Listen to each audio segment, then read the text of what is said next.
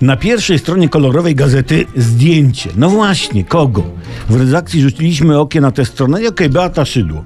Ale przy bliższym rzucie okiem na zdjęcie i podpis okazało się, że to Jolanta Kwaśniewska. Tak. Ale podobieństwo jest z kategorii wypisz, wymaluj, zrób zdjęcie.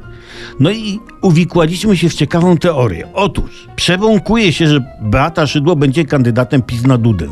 Więc pisowcy specy od wizerunku upodobnili panią Beatę do pani Jolanty.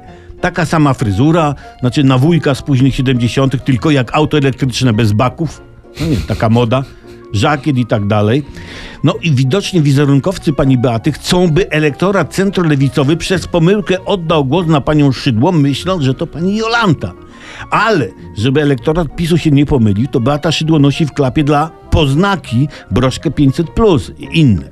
W sensie, rozumiecie, żeby nasi widzieli, że to nasza, a oni, że to ich, znaczy tych, tych, których, e, których jest ich, a nie tych, których nie jest ich.